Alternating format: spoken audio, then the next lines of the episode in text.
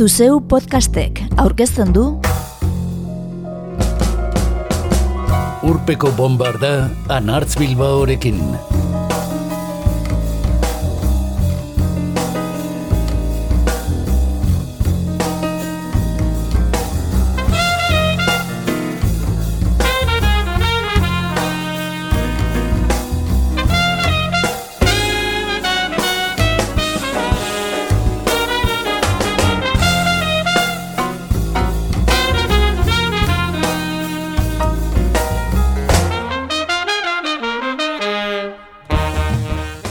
Laro geiko amarkadan pop eta rock musikak izan zuen emakumezko bakarlari dirdiratzuena izan genuen Tina Turner.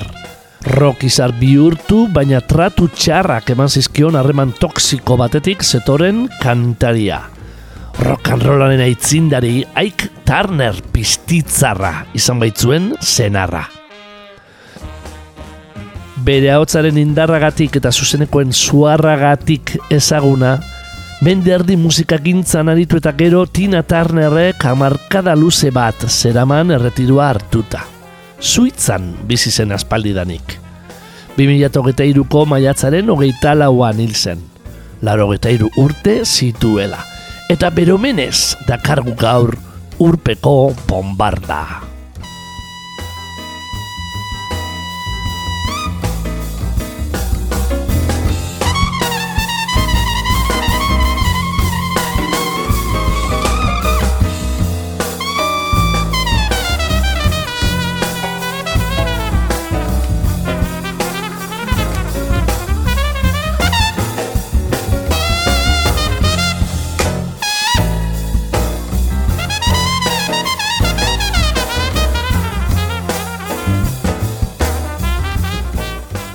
Emakume beltzek rock musikan izan duten protagonismoa aldarkatu zuen Tina Turnerrek. Eta dantzan irakatzi zion Mike Jagger jaunari. Horrela onartu zuen The Rolling Stones taldeko frontmanak. Ostikoak gora jotzen eta holtzak gainean grinatzu agertzen perla beltzaren gandik ikasi zuela. Tina Turnerren familiak kotoia jasotzen zuen tenezin eta bertan jaio zen bera, mila bederatzen dut hogeita meretziko azaroaren hogeita zeian. Anamae Bullock izenarekin. Lehen abestiak Elizako abez batzan kantatu zituen, beste askok bezala. Baina Sant Louisen, Ike Turnerrek bere taldera deitu zuen, Kings of Rhythm. Bi bikinen You Know I Love You kantatzen entzun eta gero. Amazazpi urte zituen. There's something on my mind. Won't somebody please, please tell me what's wrong? You just a fool, you know you're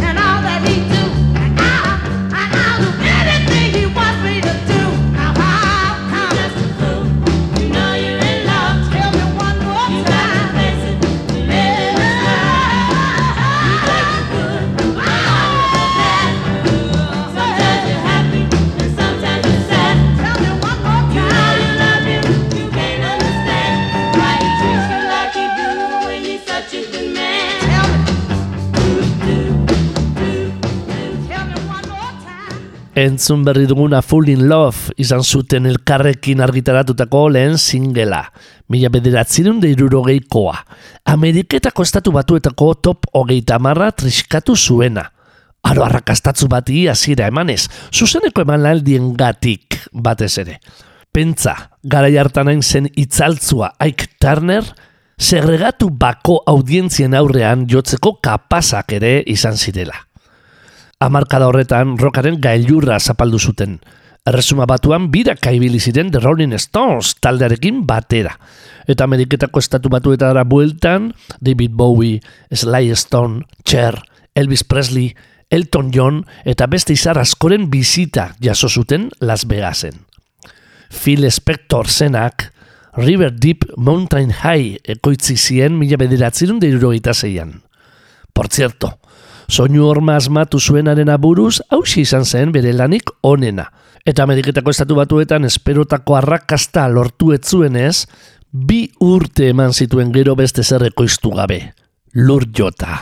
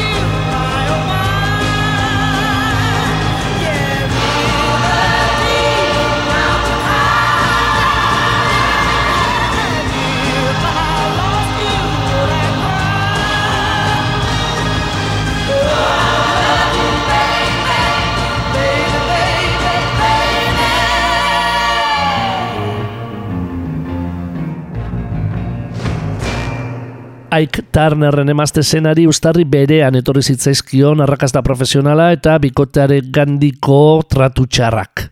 Kontuak atera, Ike Turnerrek eskontza izena ere erregistratu egin ziola emazte zuenari. Tina Turner. ordezkatu nahiko balu ere. Diru asko egiteko gain nintzela ikusi zuenetik, porrot egin zuen aikekin nuen harremana. Adierazi zuen kantariak 2018ko My Love History biografian. Ni menperatu beharra zuen, ekonomikoki zein psikologikoki, inoiz utz ez nezan. Izaera aldabera zuen gizonak, bortitza izateraino. Irurogeita marreko amarkadan grami bat irabazi eta Tina Turnerrek aik utzi zuen. Mila bederatzerun da irurogeita mazortzian dibortziatu ziren. Baby Get It On izan zen elkarrekin egin zuten azken singela. Guk ordea, Nutbush City Limits entzungo dugu urrena.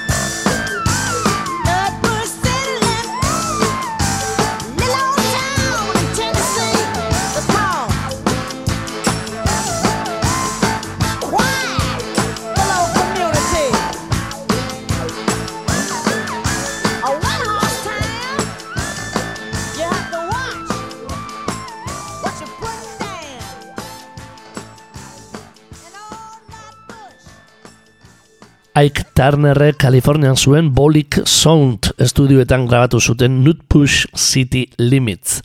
Kantariaren jaioterria aipatzen duen kantu autobiografikoa.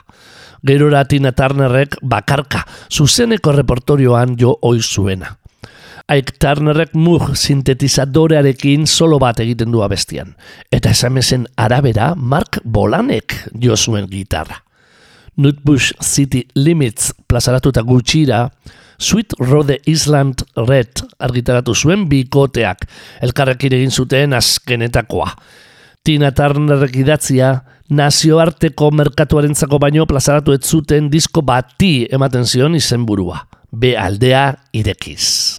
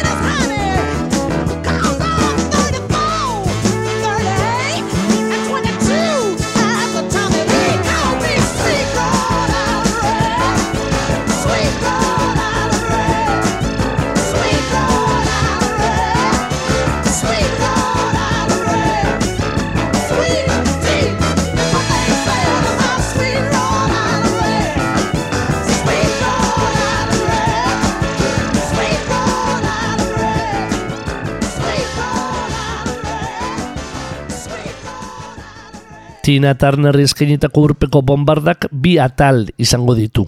Eta Sweet Rode Island Red entzunda itxi dugu lehena. Aik eta Tina Turner zen arremazte zirenekoa. Eta Niko Etxart entzun ostean, Tina Turnerren bakarkako ibilbideari erreparatuko diogu. Rock and roll apur bat baztertu eta pop doinuak jorratu zituenekoa. Bai lagun, Niko Etxart aipatu dugu, ondo entzun duzu. Altzurukuarrak minuet plazaratu zuen 2005ean japa japa taldearekin batera. Elkarretxean. Eta Tina Turner omendu zuen Tina Perla Beltza izeneko kantuan. Hitzetan Nikok Tina lehen aldiz entzun zituenekoak kontatzen ditu. Melodia berriz, arestian entzun dugun River Deep Mountain High kantuarena da. Zer nolako flasha hartu nuenik Zue botza entzutian Haren baliozko ere mediorik Segun ihune atzelakoan. Segun ez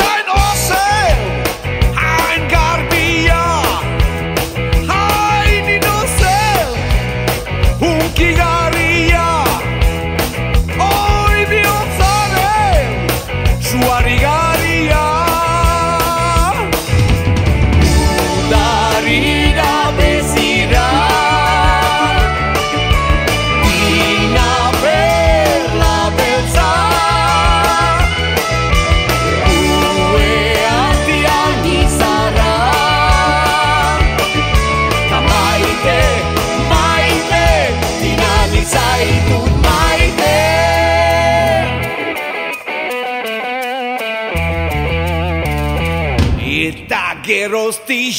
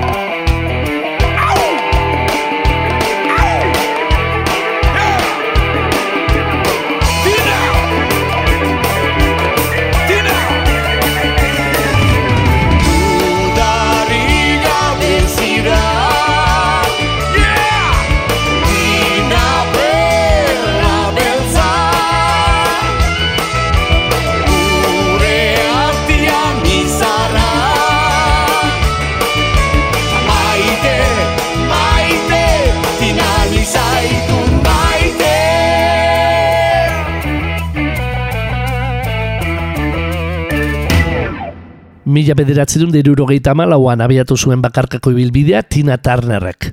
Printzipioz arrakastan diegirik gabe. Rock grinatzutik, tempo motelagoetako soul rockera lerratu bitartean. Garaiaietako bi kantu entzungo ditugu. Mila bederatzerun derurogeita bosteko Acid Queen diskokoak biak. Bakarkako bigarrena. Lehena, LP-ari zenburua eman zion hause.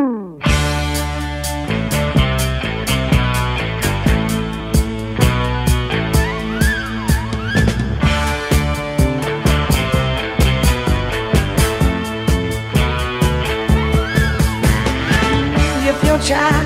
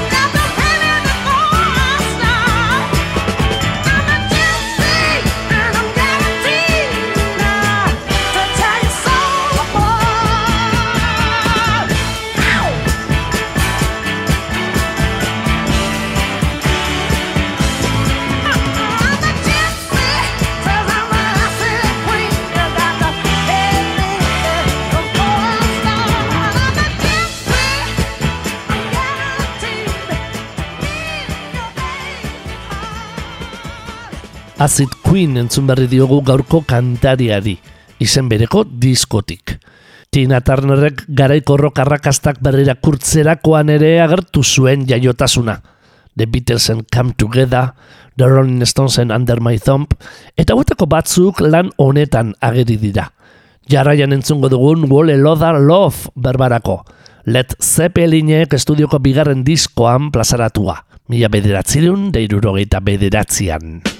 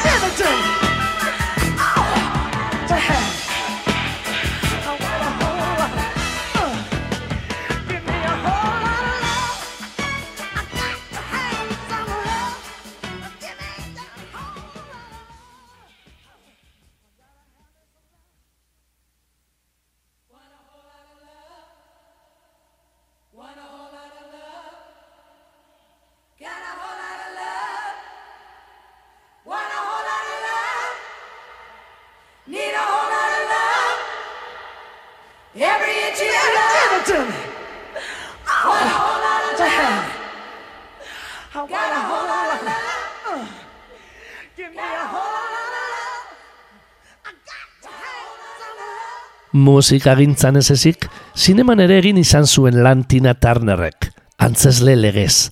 Akaso gogoratuko duzu, entzule, mila bederatzerun da laro bosteko Mad Max filmean berbarako, Mel Gibsonekin batera. Gainera, mila bederatzerun da laro magostean Golden A kantatu zuen, James Bonden izen bereko pelikularako kantu nagusia – printzipioz antza, Depeche Mode zen kantu hauntzeko ardura hartu behar zuena. Baina azkenean ubi taldeko bono eta DHek idatzi eta perla beltzak kantatu zuen. Europan arrakasta handia izan zuen abestiak. Ameriketako estatu batuetan ez horren beste. Golden Age.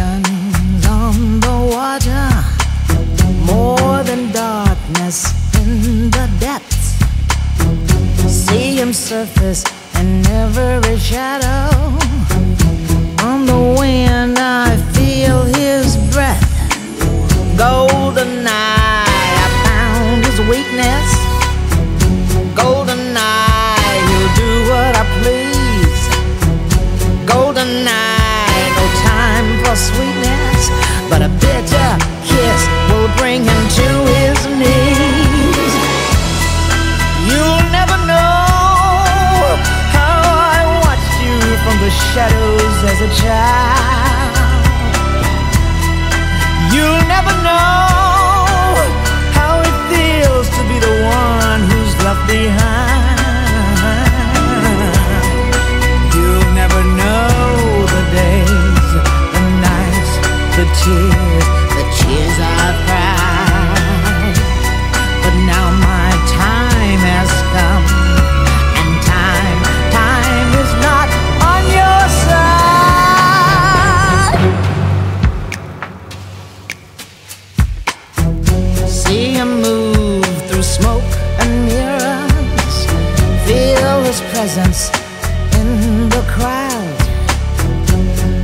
girls, they gather around.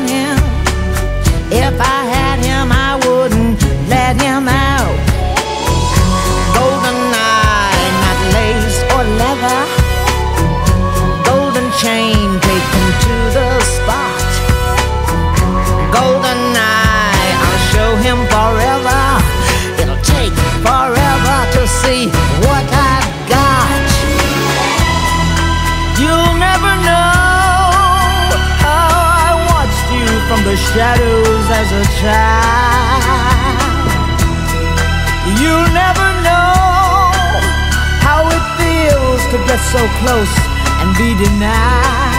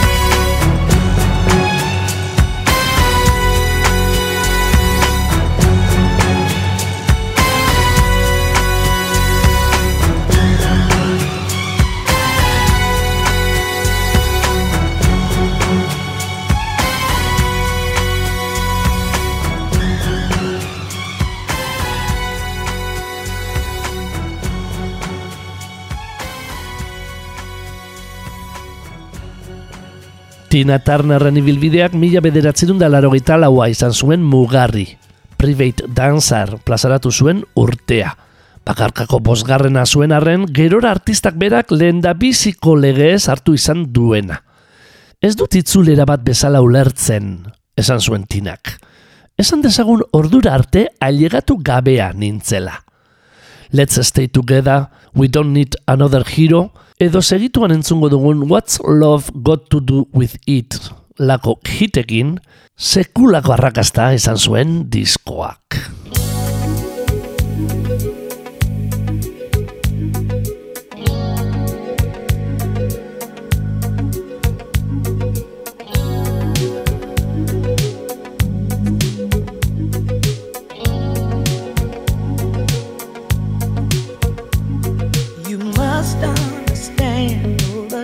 Touch of your hand makes my pulse react.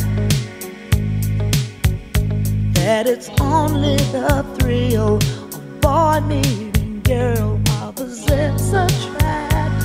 It's physical, only logical. You must try to ignore that it means more than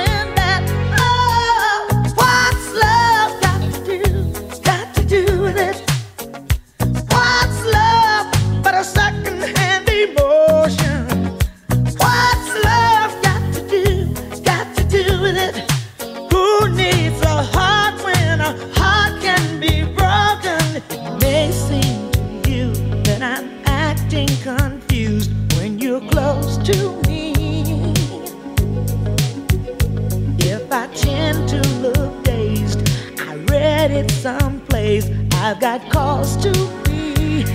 There's a name for it.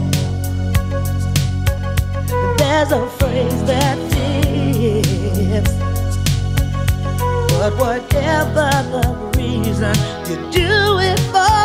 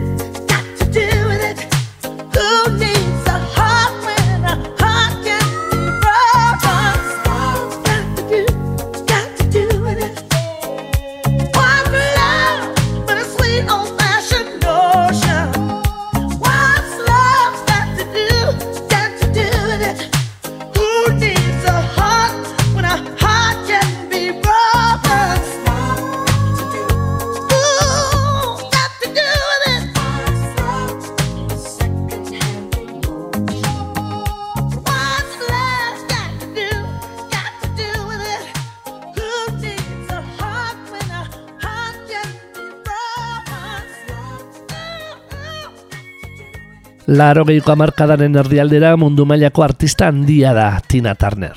Budismora horbildutakoa gainera. Mila bederatzi da larogeita meretzira bitarte, beste estudioko bost disko plazaratuko zituen. 24-7 azkena. Eta milurtekoarekin batera, erretret hartuko zuela iragarri zigun. 2008an Beyoncérekin Grammy sarietan kantatu eta musikagintzan berrogeita marrurte bete zituela ospatzeko bira bat egin zuen arren.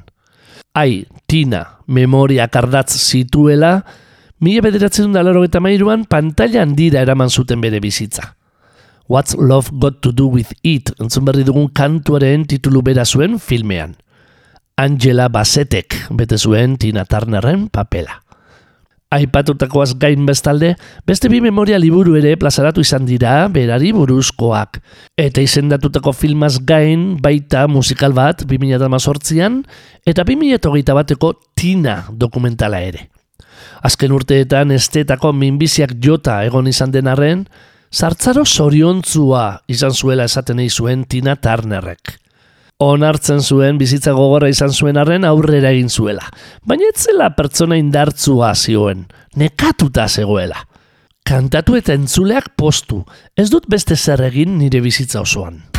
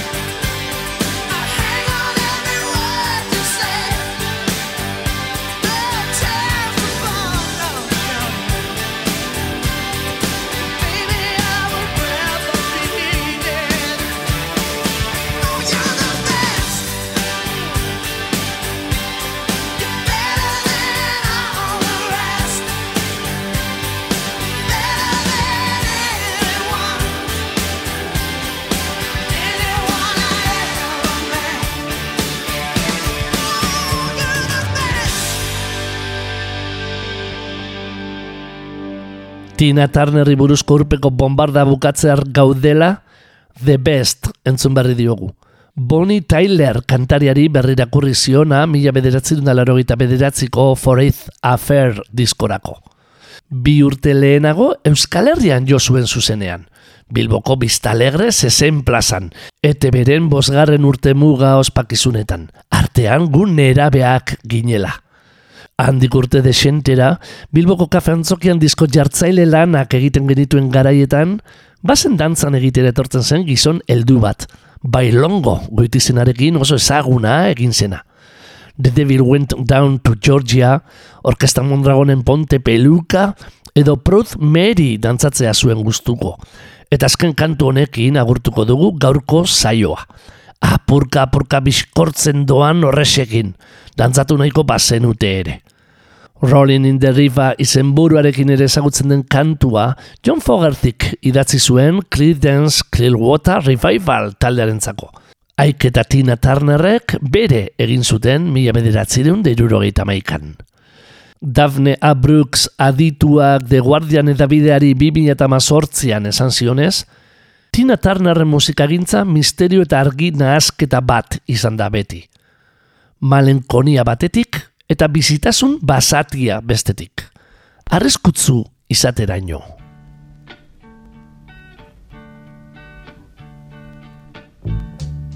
You know, every now and then I think you might like to hear something from us nice and easy. But there's just one thing, you see, we never ever do nothing nice and easy. We always do it nice and rough. But we're gonna take the beginning of this song and do it easy. But then we're gonna do the finish rough. It's the way we do Proud Mary.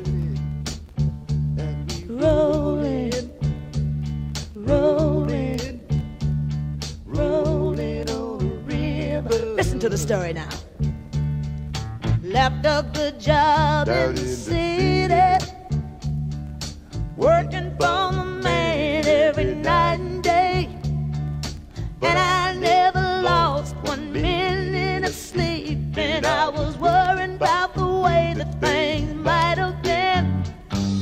Big wheel keep on turning. Ooh, the proud Mary keep on burning.